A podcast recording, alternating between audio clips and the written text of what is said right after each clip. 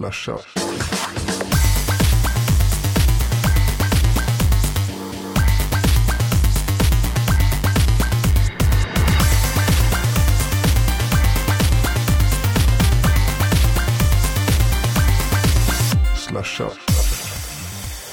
Mina damer och herrar, ni ska vara väkna. Välkomna till Slashat avsnitt 133.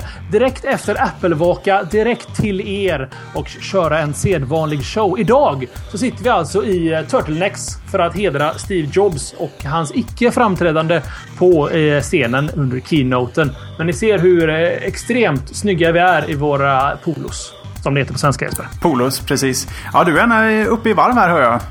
Ja, man blir lite det. Det är liksom eh, både alkoholen har väl sin roll naturligtvis. Men det är alltid kul med live-events. Vi hade många tusen som kollade på oss samtidigt och det gör det lite extra spännande naturligtvis. Ja, är det så att man lyssnar på den här podcasten i efterhand och eh, inser att ja, just det, där var ju de då ja, när jag var upptagen med något annat. Så finns den faktiskt att eh, ta en titt på på slashat.tv där hela vår live-rapportering från Apples Keynote den 4 oktober finns att tillgå.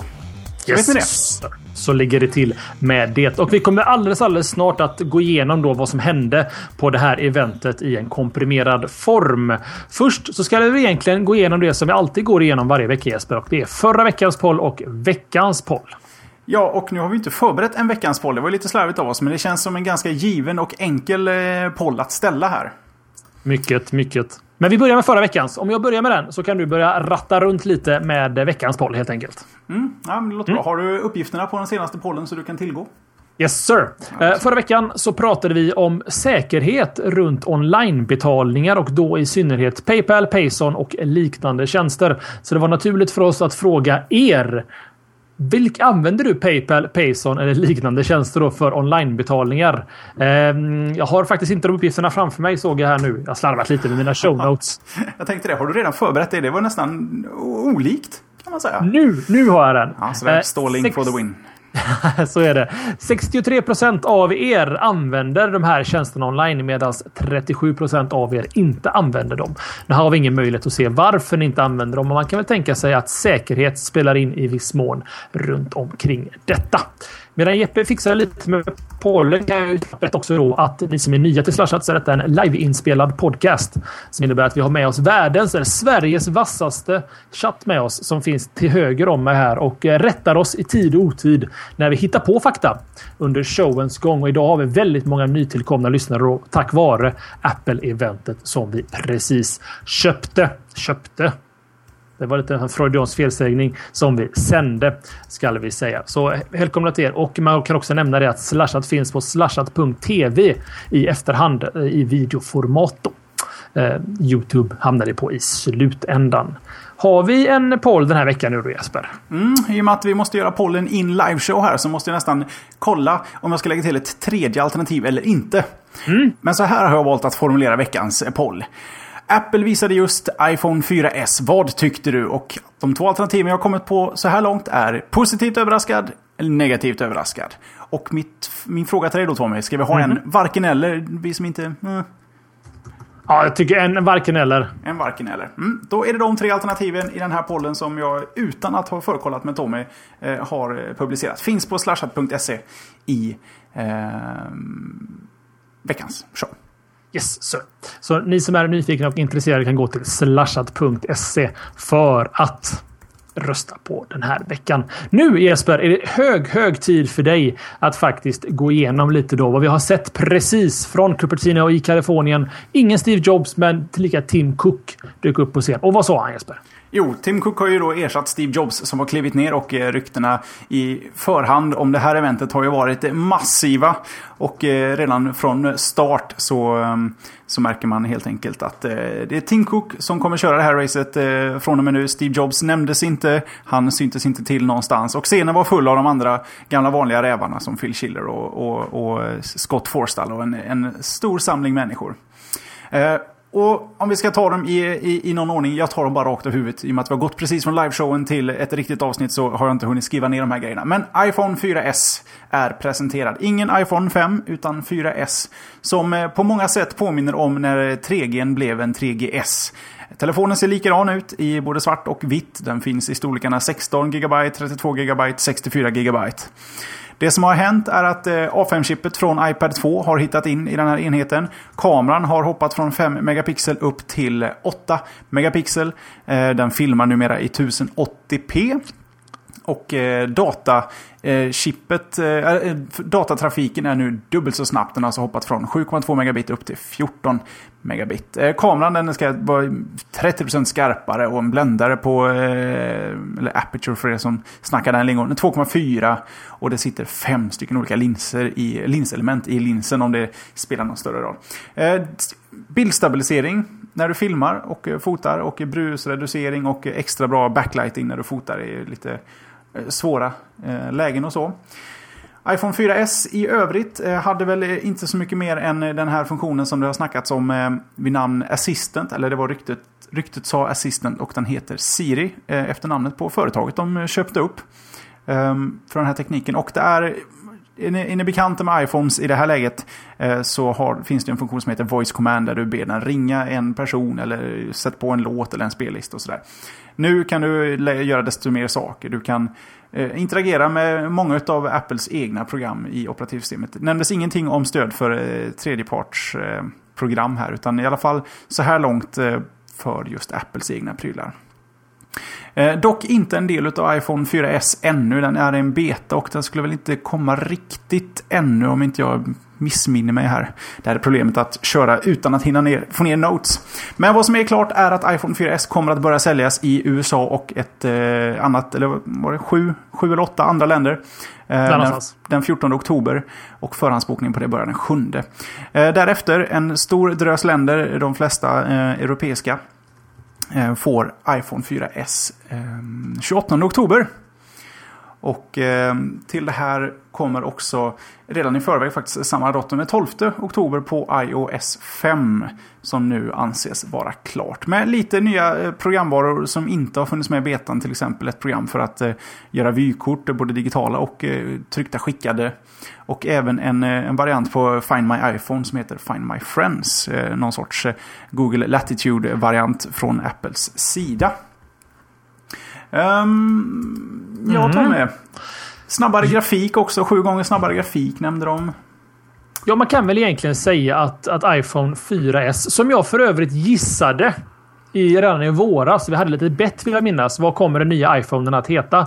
Jag vill minnas att jag sa antingen 4G eller 4S. Mm, nej, good call. Good call. Du har varit på det här. Fast du la en liten, om vi ändå ska grusa ditt maskineri lite här. Och det under dagen här att du trodde bara skulle bli mjukvara idag. Att det inte blir ja, någon ja. iPhone alls. Du kanske gick lite för långt med din eh, got cocky helt enkelt. Definitivt. Eh, ska vi se. Vi får se helt enkelt vad, vad det tar vägen. Jag kan också nämna att Apples eh, aktie har gått ner 5,72 procent på Nasdaq sen presentationen avslutades. Det är en liten parentes, men det kanske förklarar lite över vad marknaden och vad användarna tycker om, den här, om det här eventet. Vi har också stort... världens snabbaste marknadsanalys i realtid, våran chatt, och den var kanske inte så positivt inställd till det som presenterades. Nej, det, det fanns ju naturligtvis några som var väldigt optimistiska och glada över detta medan majoriteten var faktiskt besvikna. Och jag tror att det är ett problem som Apple kommer att få dras med. Speciellt post Steve-eran. Där man förväntar sig en one more thing. Alltså, det var snackas om en ny Apple TV-apparat på det här eventet. Det snackades om att Steve skulle komma upp och göra någonting och sånt där. Och det, man lämnas med en viss besvikelse i kroppen och speciellt också när iPhone 5 eller iOS 5 naturligtvis, förlåt mig, eh, redan har presenterat så grundligt. Så det var egentligen en repetition med ny hårdvara med samma utsida. Och det tror jag kan störa många teknikentusiaster. Däremot om man tittar, om jag tar av mig teknik-nörd-Tommy-hatten och sätter på mig konsument-Tommy-hatten så jag tror jag konsumenterna är förbannat nöjda. iPhone 4 kommer gå ner i pris Eh, och eh, iPhone 4S är en snabbare mobiltelefon som spelar spelen i snabbare hastighet och har bättre kamera. Så ur konsumentsynvinkel tror jag att detta är ett bra beslut av Apple. Ur entusiastsynvinkel tror jag många är besvikna Jesper.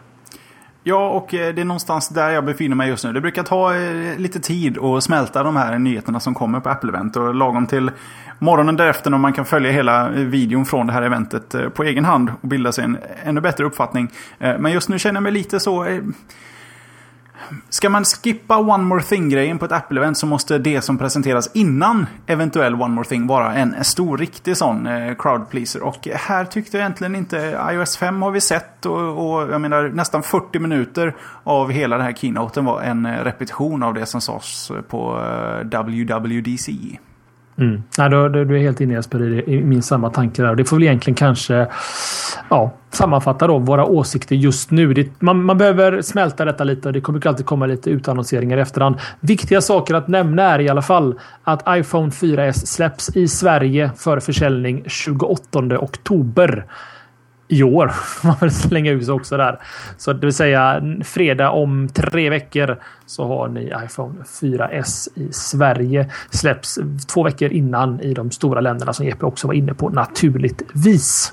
Eh, värt också att nämna, jag vet inte om du sa det där Jesper, satt och skrev en sak på sidan här. Men iOS 5 släpps skarpt på onsdag den 12.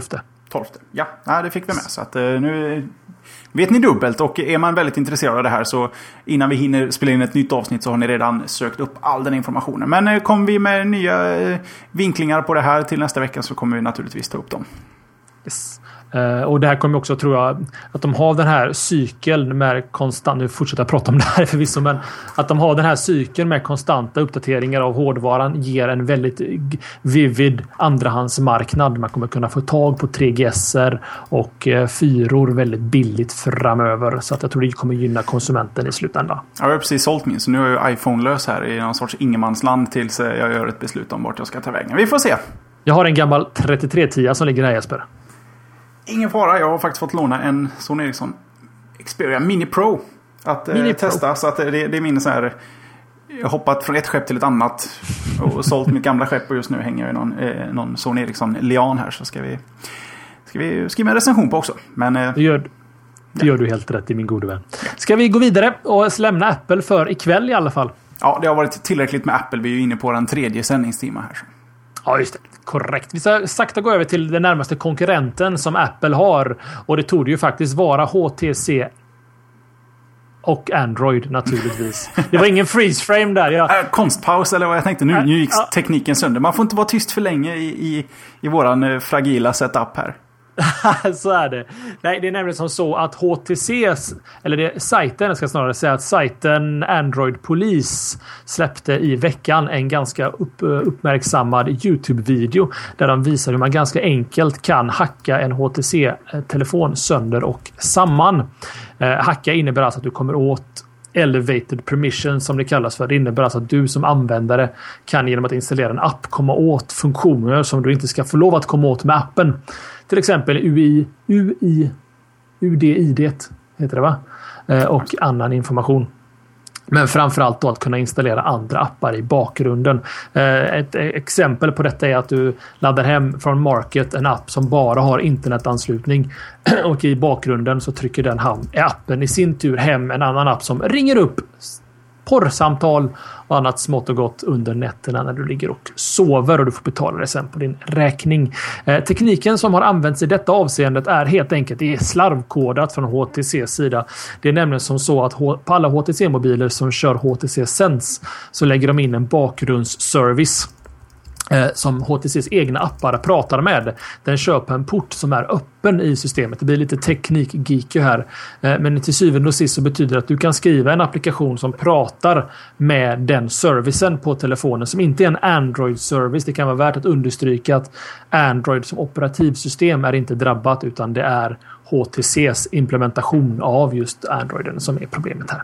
Så, så vad den gör helt enkelt då är att du, du, skriver kommandon till den porten och kan få ut data som egentligen inte var ämnad för dig. Eh, HTC har naturligtvis redan eh, släppt eller håller på att släppa en patch för detta. Eh, det är helt enkelt slarvkodning från deras sida. Eh, men det här är någonting som ändå är värt att ta upp tycker jag Jesper med tanke på att så här ska du inte få ske egentligen från ett stort företag som HTC. Absolut inte. Det vore ju lätt för mig som eh, Apple-användare att eh, skylla på att det här är vad ni får för att ha er öppna plattform. Men här är det ju HTC som har tabbat sig. Och det är beklagligt, men jag tror att det tas mer genvägar i, i, speciellt i en bransch där det är så snabba puckar, det måste gå fort och då, då, då slarvar man. Ja, ja, det är väl så. Och speciellt också, man vet ju det att när App, Android, eller mycket Apple nu. När Google släpper en ny version av Android så tar det några månader för tillverkarna att faktiskt få igång eh, den versionen av mjukvaran på sin plattform. Eh, senast idag Jesper så letar du med ljus och lykta efter en Gingerbread update till din HTC Desire va? Ja, det där var ju helt sanslöst. Det, det, ska finnas har jag hört, men inte ens HTCs egen sida nämner någon. Man kan inte ens hitta supportsidor för HTC Desire. Men Nej. långt ner på någon dev-sida under htc.com så lyckades jag hitta deras Gingerbread. Så är ni där ute och jagar efter en sån så vet ni nu att den finns i alla fall men, och, och, men det är väl kanske också lite så att det släpps. Jag tror HTC har väl släppt 10 eller 20 stycken Android-mobiler på ett år eller någonting. så onekligen så, så går det undan på den fronten. Vad är det man brukar kan... säga? Release now, patch later eller något sånt där? ja, det, det, det nya metodiken. Det blev, alltså förr i tiden när alla var små och jag var extremt liten. Jag är inte så gammal, jag är 31 år gammal. Eh, men då fick man spel på, på disketter. va? Så såg de ut. Så stora ungefär. Eh, och på den tiden så var det så extremt kostsamt att göra mjukvarubuggar. Alltså du, du benade ut varenda liten bugg för att du hade inte råd att patcha. För att patcha på den här tiden, det låter som att det är 1800-talet, det är alltså början på 90-talet. Så en patchning betyder att du fick trycka upp nya disketter och skicka ut till varenda kund som hade köpt spelet eller programmet. Så jag tror mjukvara skrevs nog bättre faktiskt, hur ironiskt det än låter, förr i tiden. Eh, idag så är det som Jeppe säger release quick patch later via internet. Eh, och som en anonym lyssnare skriver här. Duke Nukem på 17 disketter. Det var goda tider, säger individen i fråga. Mm. Då ska vi ta och knalla vidare. Mm -hmm. Jag kom på en liten sak jag faktiskt glömde med Apple Keynote som jag klämmer in jättekort. iPod, iPod Touch blir vit och iPod Nanon får större ikoner och 16 olika klockor för er som vill ha den på armen. Det är väl ungefär det som de puttar på där. Men det åsidan sidan så ska vi prata om att Amazon nu har släppt, eller presenterat i alla fall, sin eh, tablet. Som vi pratade lite om för ett par veckor sedan här. Eh, det ryktades ju om, eh, det var, tror jag Techcrunch och MG Seeger som, som hade känt på en och var på absolut säkra att det kommer komma en. Och allting han sa i den där artikeln för bara någon månad sedan verkar stämma med det de nu har presenterat. Amazons tablet heter Fire. Och, eh, Kindle första, Fire, som en liten påminnelse. Kindle Fire, absolut. Just. Helt rätt, helt rätt. För huvudsyftet med den här tableten är fortfarande eh, läsning i första hand. Det finns ingen 3G, inga kameror, ingen mikrofon. Den är 7 tum och den har en upplösning på 1024 x 600 Dual Core processor, 8 gig inbyggd lagring och en batteritid på mellan 7 och 8 timmar vid konstant användning. Vilken version av operativsystem, eller vilket operativsystem överlag? Eh, jo, precis som han också sa handlade det om Android. Men eh, ingen information från Amazons sida vilken version av Android. Det gick ju lite rykten om att, ehm, att Android höll lite på den öppna källkoden till Gingerbread, Tommy va? Mm, och det stämmer bra. Det skulle vara... Nej, förlåt mig. Inte för att avsluta. Honeycomb. Honeycomb, precis. 3.0 höll de på. Just så. Och att anledningen till det skulle vara att Amazon inte skulle få chans att göra en, en egen tablet och eh, så sopa banan helt enkelt med andra tabletägare. Den här bygger då på någon Android men de har modifierat gränssnittet så pass att eh, det ska inte vara direkt tydligt att det är just Android. Även om du kan köra Android-appar precis i vanlig ordning. Eh, dock är den här tableten kopplad direkt till Amazons App Store. Som idag eh, innehåller ungefär 10 000 appar. Man kan säga att Amazon gör en liten Apple-variant här där de eh, låser in sin egna lilla miljö och eh, kör sin egen App Store. Det är lite oklart eh, hur möjligheten är att ta sig ut ur den där. Men det, det går säkert att ordna. Det är ju ändå Android i grunden. Priset är också en sån en riktig killer. Eh, 199 dollar. Och eh, den här ehm, kommer även med en egen Amazon Browser som heter Silk. Som eh, slår sig för bröstet med en ny funktion som egentligen redan finns i browsern Opera Turbo. Vilket handlar om att man renderar hemsidan på, på en annan ort och sen får över den snabbast möjligt till tableten. Just Amazon använder deras EC2 Cloud Computing tjänst för det. Och den förrenderar hemsidan och samtidigt som den då på något sätt förladdar bilder på sidor den tror du går till härnäst.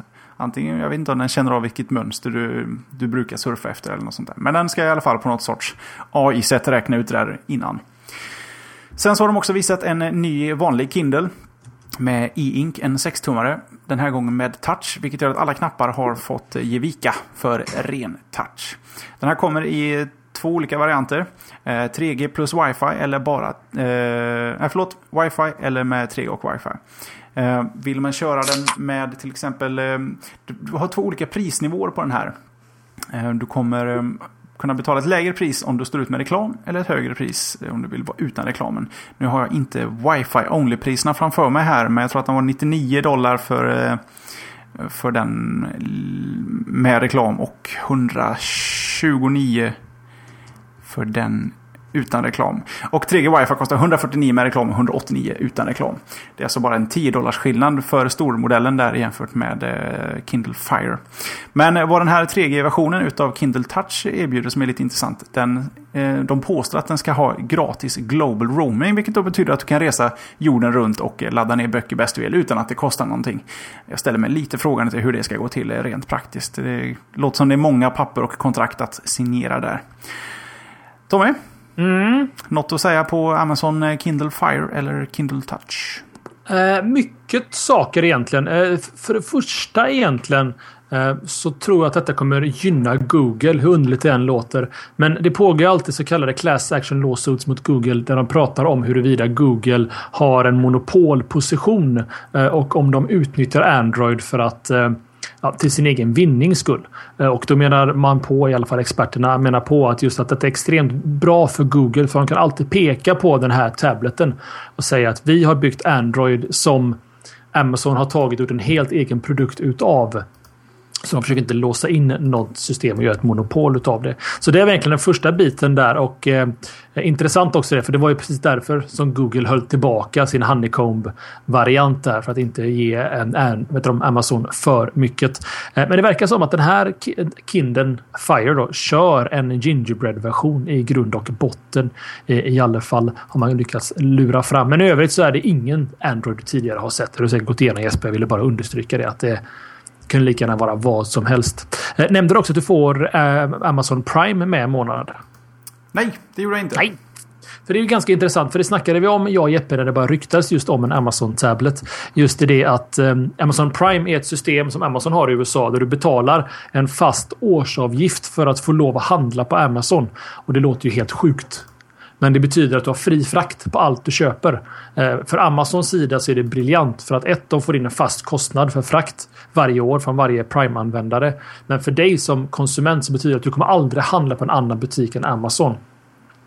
Så man, man, tror att med tiden går och ju mer priset går ner på delarna på den här tableten så kommer de till slut att skicka med en gratis sån här tablet för varje Amazon Prime-användare.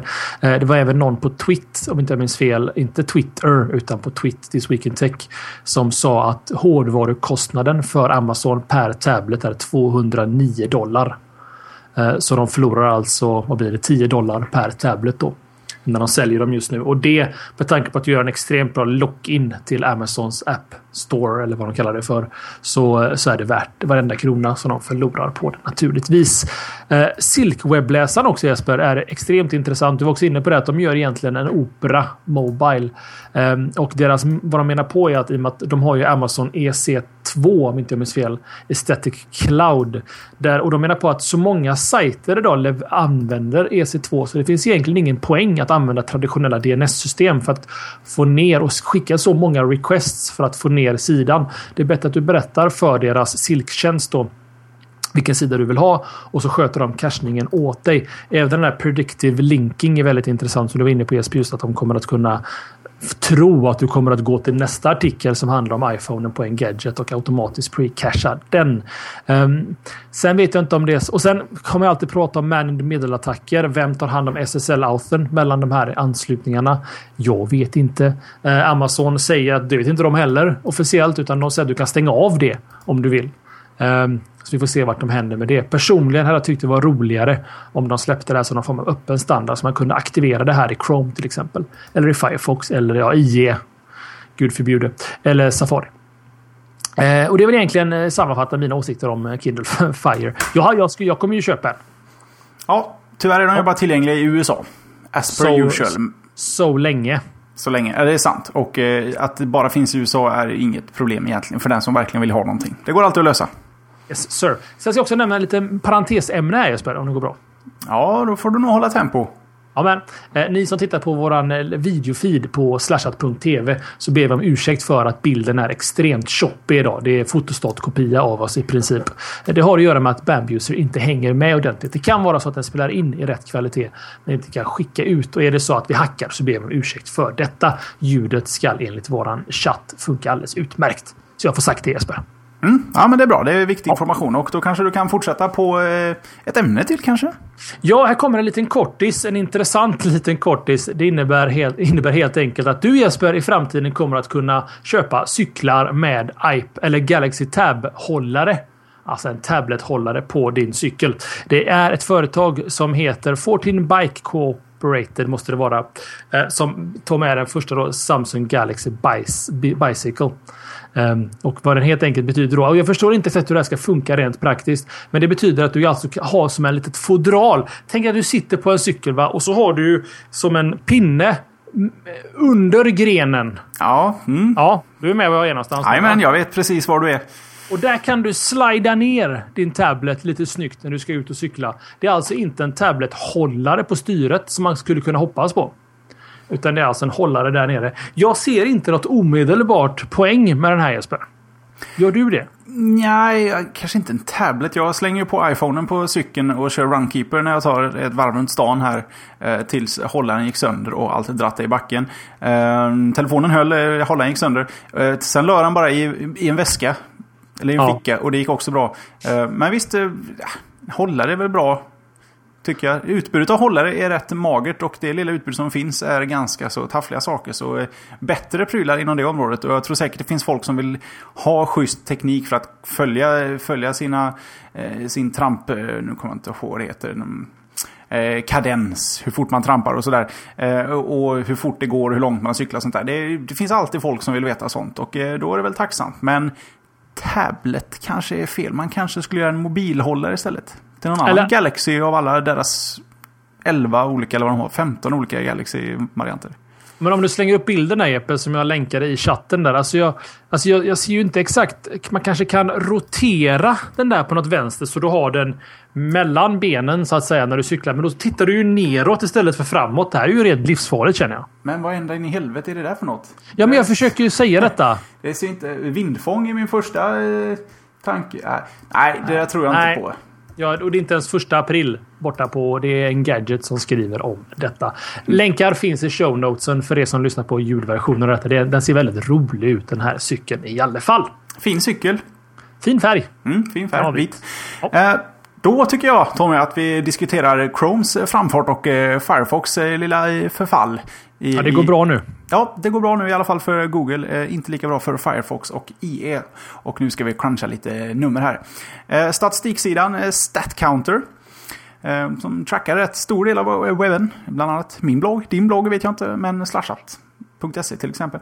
Eh, de har fört lite statistik under året här och har nu i september kommit fram till att eh, Chrome globalt i, globalt, ja det är ju hela världen, eh, är uppe i 23,6% medan Firefox ligger på, äh, 23,6%, Firefox på 26,8% och IE på 41,7%. Och om man då tittar på i, vilken riktning de här kurvorna sedan eh, årsskiftet fram till nu, eh, vilket håll de pekar, så är det så att Chrome den har ökat med 8% ehm, i janu sedan januari. Och det är ungefär en 50% ökning. Medan Firefox har tappat 4% av marknadsandelarna och har därför gjort en nedgång på 13%. IE, IE har också tappat 4% och det är en nedgång på cirka 9% vilket betyder att Chrome snor från både Firefox och IE. Om man då tar de här linjerna som är förvånansvärt raka från eh, nyårsskiftet till eh, september så kommer Chrome att passera Firefox på sin väg upp eh, när Firefox är på väg ner någon gång i november. Och redan i december så bör Chrome enligt de här siffrorna ligga på 26,6% medan Firefox ligger på 25,3%. Är det något som förvånar dig? Nej, det är väl egentligen inte det. Och det kan vara värt att säga att den här statistiken pekar ju extremt väl på vad vi som använder internet använder. För du är ju ändå gamla Firefox-användare. Mm. Som inte använder Firefox. Nej, vi har endast skuttat rätt in på Chrome nu båda två. Eh, och vad som höll mig tillbaka under en lång period för att använda Chrome. Jag är ju lite Google fanboy för det som har hängt med i showen i många år. Eh, så var det just avsaknaden, eller saknaden av plugins. Som gjorde att jag inte kände att Chrome var min grej. Sen så kom plugins och då kände jag att nu är Chrome min grej. För att förklara det kort. Eh, och där har jag fastnat. Eh, jag vet inte om Chrome tar så mycket mindre minnesanvändning än Firefox. Men en av de stora selling points för mig med just Chrome var att den kör egna processer för varje tab. Det, jag skulle nog inte kunna gå tillbaka till en browser som inte har det idag. Och nu vet jag att det är på gång med motsvarande funktion till Firefox 7, Jeppe, va? Ja, just det. 7,01. 7,0.1.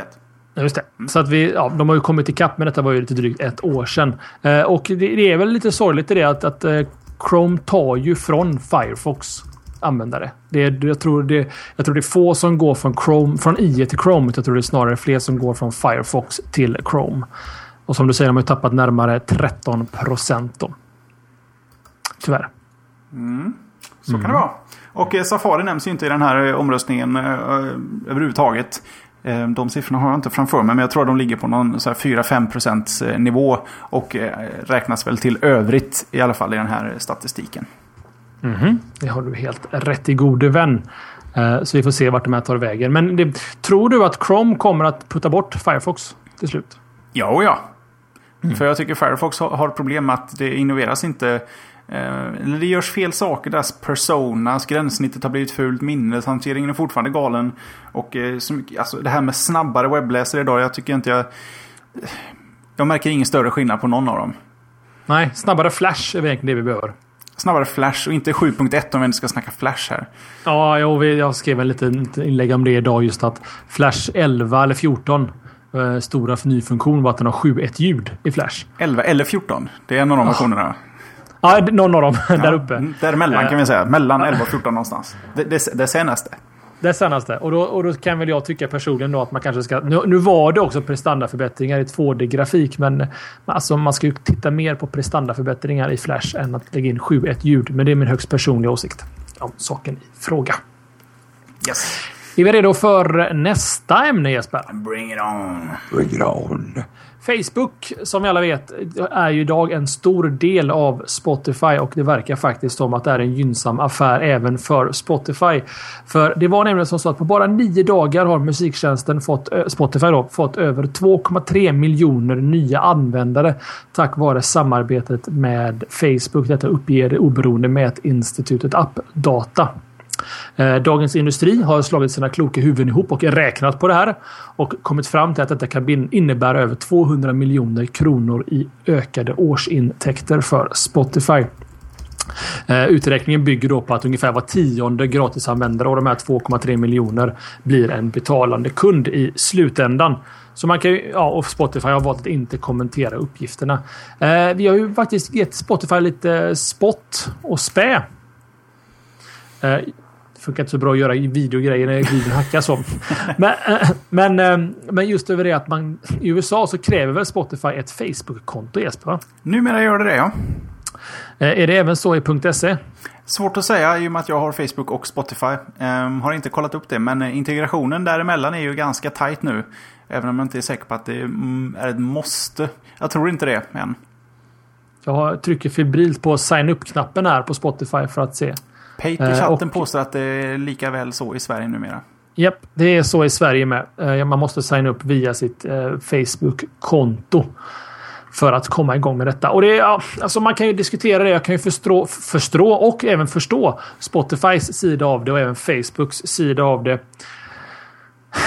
Vi, vi låter det vara så, men eh, bra i alla fall för Spotify att få in lite klirr i kassan och så pass många nya användare. 2,3 miljoner nya användare på en nio dagar. Det är bra jobbat. Absolut, och eh, hur mycket vi än vill kritisera det här sättet eh, att göra business på just nu så är fortfarande Spotify som tjänst en fantastiskt bra tjänst.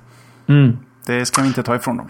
Hur funkar det förresten med oss som signar upp på Spotify för typ 100 000 år sedan? Vi har kvar våra icke Facebook-kopplade konton då. Nu har jag i och för sig kopplat kontot till Facebook lik förbannat men... Ja, jag, jag, kan i alla fall från inställningarna koppla ifrån Facebook-kopplingen helt och hållet. Om det innebär något, det vet jag inte. Men eh, det går. Mm. Har provat. Vi får se helt enkelt med mm. den fronten. Men det går bra för Spotify just nu och det går även bra för dem borta over there i USA kan nämnas. På tal om att det går bra så har det gått ganska så bra för oss i Svenska poddradiopriset 2011 som ändå har eh, rundat av denna årens, detta årets omgång. Eh, resultatet är inne och över 20 000 har röstat på sina favoritpodcasts inom eh, i största del svenska utbudet men även under i alla fall en kategori internationella podcasts.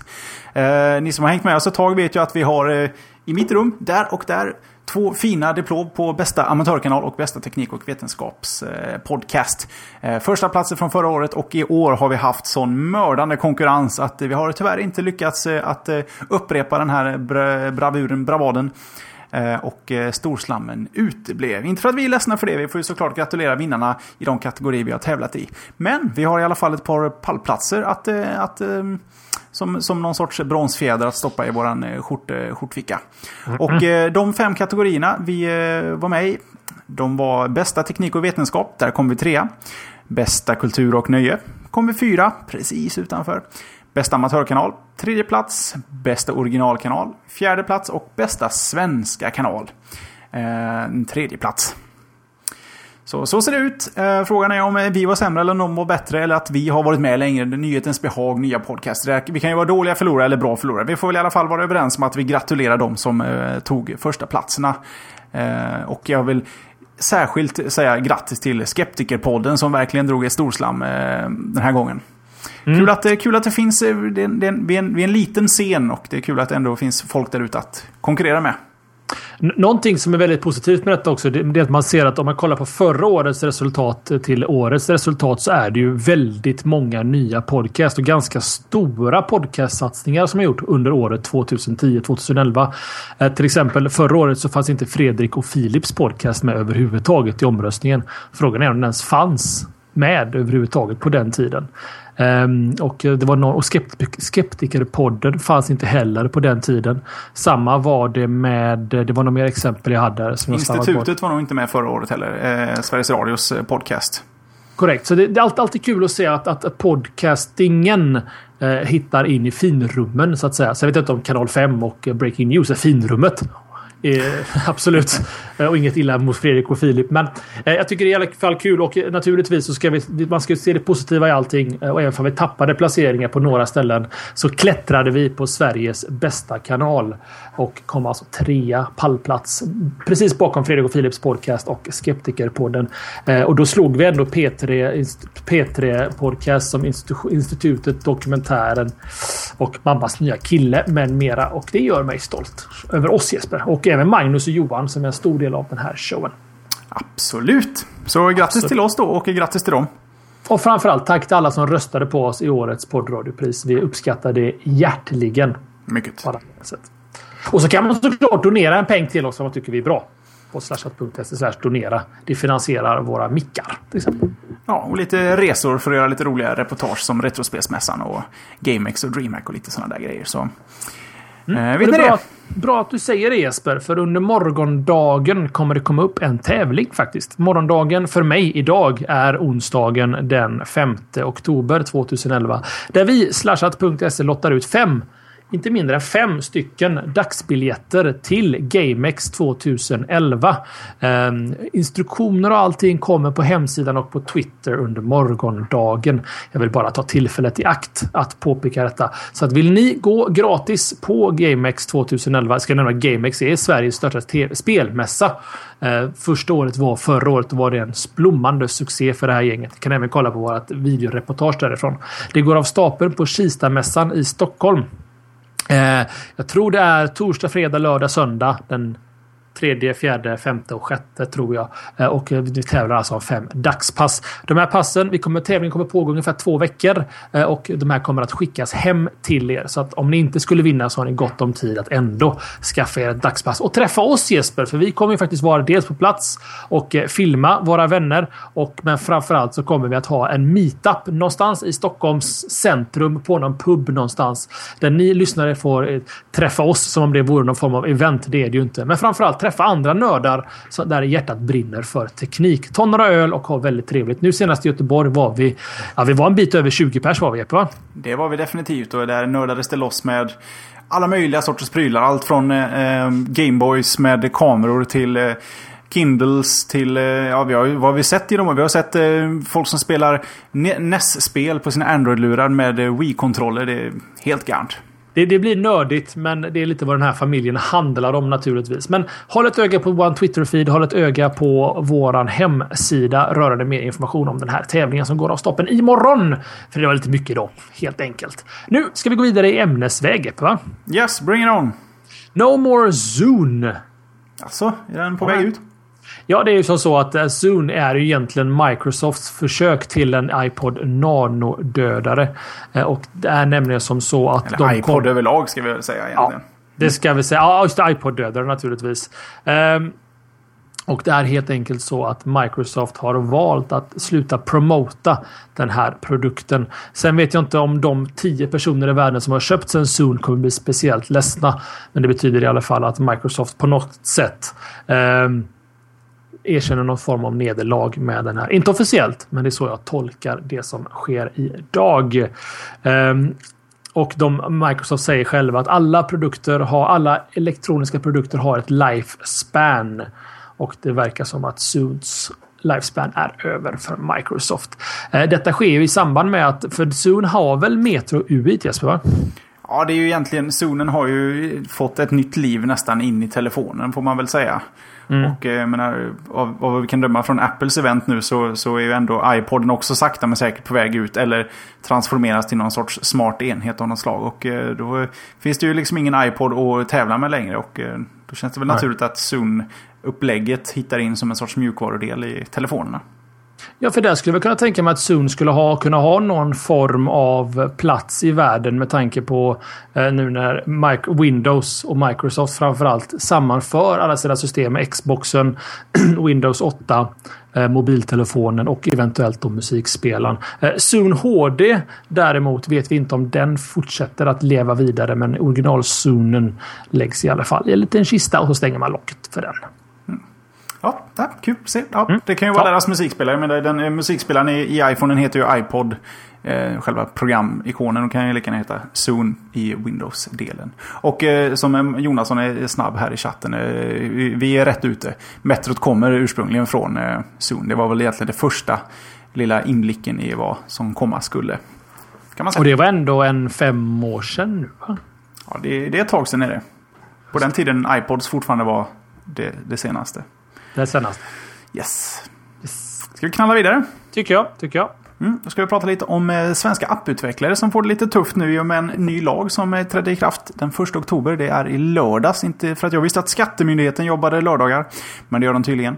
Den här lagen gör att apputvecklare får betala moms både i Sverige och i det landet där deras appar. Det är inte bara appar som eh, apputvecklare här rör utan det är mjukvara överlag på nätet.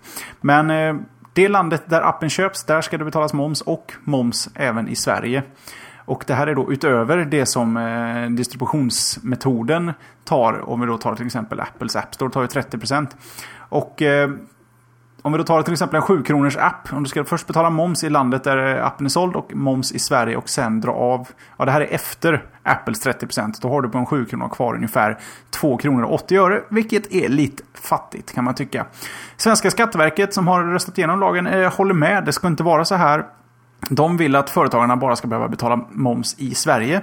Eh, och de har flera stora länder i Europa på sin sida. Men det finns ett par länder kvar i Europa som inte vill eh, vara med på det här. Och det verkar bero på rena bekvämlighetsskäl att det är lite jobbigt att, att införa ett system där momsen bara betalas i ursprungslandet. Och de här har då satt sig lite på, på tvären. Vilket kan tyckas synd när vi ändå jobbar för en eh, EU, ett EU där det ska, allting ska... Fri handel så att säga. Och då ska man inte behöva betala dubbelmoms. Så, men Skatteverket de jobbar i alla fall eh, så gott det går på det här. Så får vi se om det bättrar på sig. Illa och trist. Mm. Framförallt då i slutändan för konsument. För de här kommer förmodligen läggas på apppriserna då, som du var inne på. Ja. Ja, det blir ju så. Tyvärr. Det blir så. Yes. Uh, och jag, jag har inte så mycket input att komma med här. Jag såg att det var någon form av upprop bland apputvecklare att inför, vad heter han, vår gode vän eh, finansministern Borg att han skulle ta tag i det här. För det här gynnar inte teknisk utveckling i Sverige. Jag hoppas på att det faktiskt uppmärksammas lite mer i stor media. Mm, ett beslut om det där skulle tas 2015 eller 2016 läste jag någonstans. Så att, eh, håll inte andan. Nej, exakt i mundo. Så tråkiga beslut eller meddelanden där. Jag har egentligen bara en liten kortis kvar Jesper. Mm, ja, men bränn av den så eh, rundar jag av med ett lite större. Alright, det är nämligen så att vår gode vän Sean Parker har slutligen, eller äntligen för vissa, joinat Twitter. Eh, för er som inte har sett filmen The Social Network om sajten, Facebook får man väl kalla, så är Sean Parker, han porträtterades av... Eh, hjälp mig nu Jesper. Justin Timberlake. Just det ja. Den godingen. Eh, han porträtterade Sean Parker. Sean Parker är en venture capitalist som investerade väldigt tidigt just i Facebook och Mark Zuckerberg. Eh, och för enligt storyn då i alla fall med filmen så anser Mark Zuckerbergs tidigare eh, partner att det var Sean Parker som putte ut honom från Facebook. Eller frös ut honom på ett professionellt sätt kan man väl kalla det för nästan. Eh, även som Elurven säger i chatten här och Jeppe plus onear eh, så är eh, The Social Network en extremt bra film. Sk eh, dialogen eller manuset är skrivet av Aaron Sorkin som är grymt bra på att skriva riktigt rapp dialog. Eh, första scenen i filmen så sitter Mark Zuckerberg med sin flickvän på ett café och de diskuterar. Och det går undan i den scenen. Och eh, sånt där gillar jag. I alla fall. Och även du Jesper.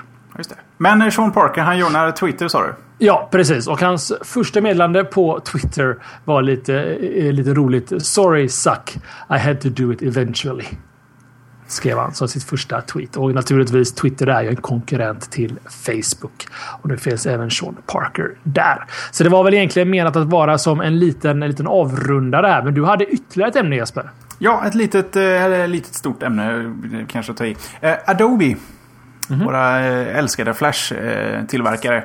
De har presenterat lite nya tjänster som är på gång. De satsar stenhårt på molnet och har presenterat tre nya online-tjänster. Det första är en tjänst som eh, påminner om Googles webbfonts egentligen. Eh, de ska erbjuda typsnitt online för användning på, sin, eh, på folks hemsidor och större webbtjänster. De kommer använda Typekit. Något de köpte upp för en tid sedan. Och det här kommer inte vara till skillnad från Googles lösning en gratistjänst utan en prenumerationsmodell och redan ligger Twitter och New York Times som kunder där. Den andra tjänsten det är lite digitala verktyg för att skapa innehåll baserat på var mm, så här är det. Ehm, tidningar som trycker på, på papper om ni kommer ihåg dem. Ehm, det här är verktyg för att de automatiskt på, på något sätt ska kunna publicera sina artiklar eh, via ett flöde eh, rätt in i webben och även ut till tablets och eh, tabletapplikationer.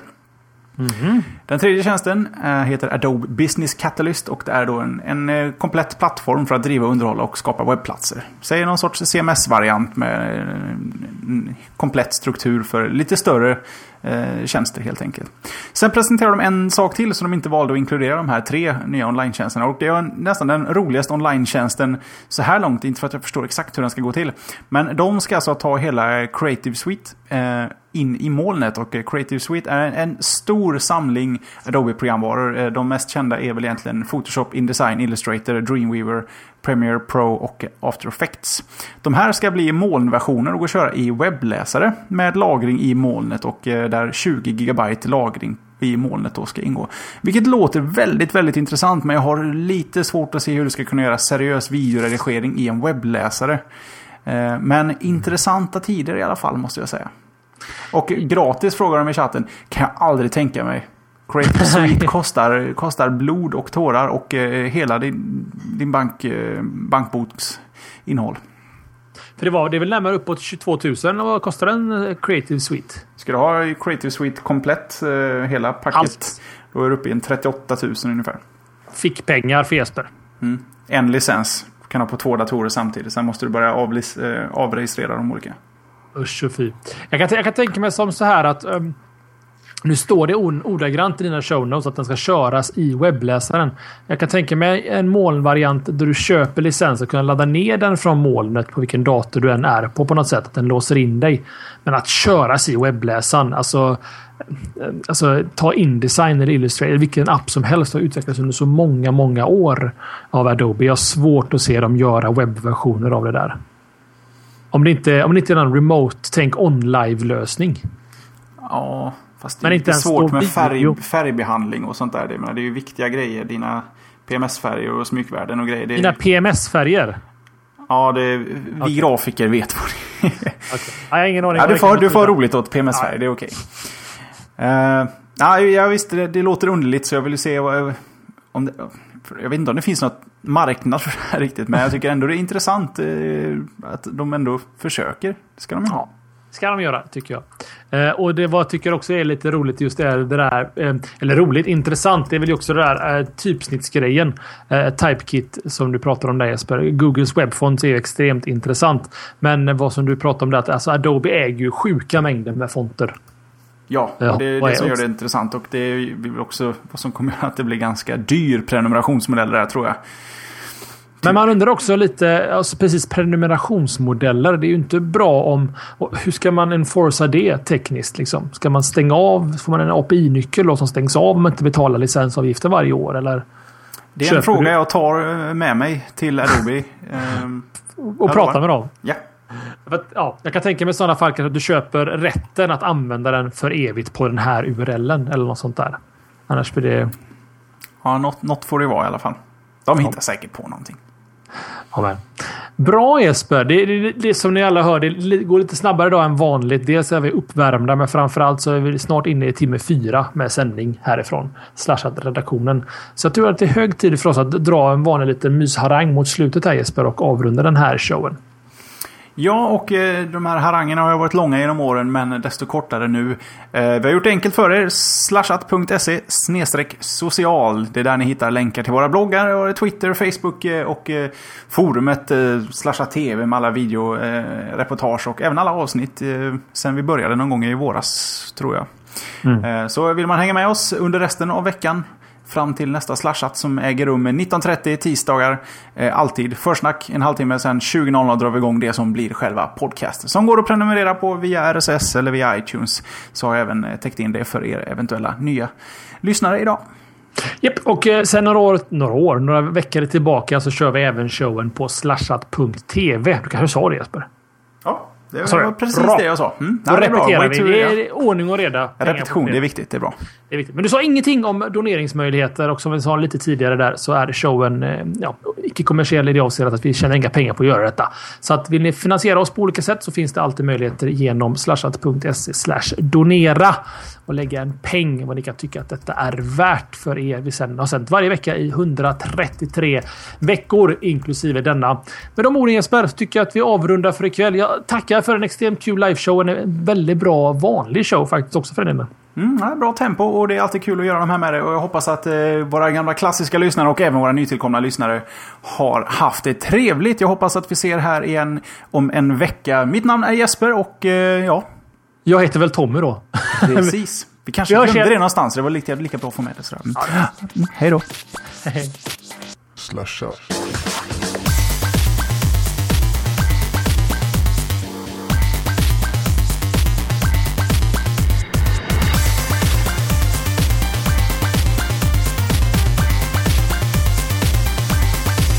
Slasha.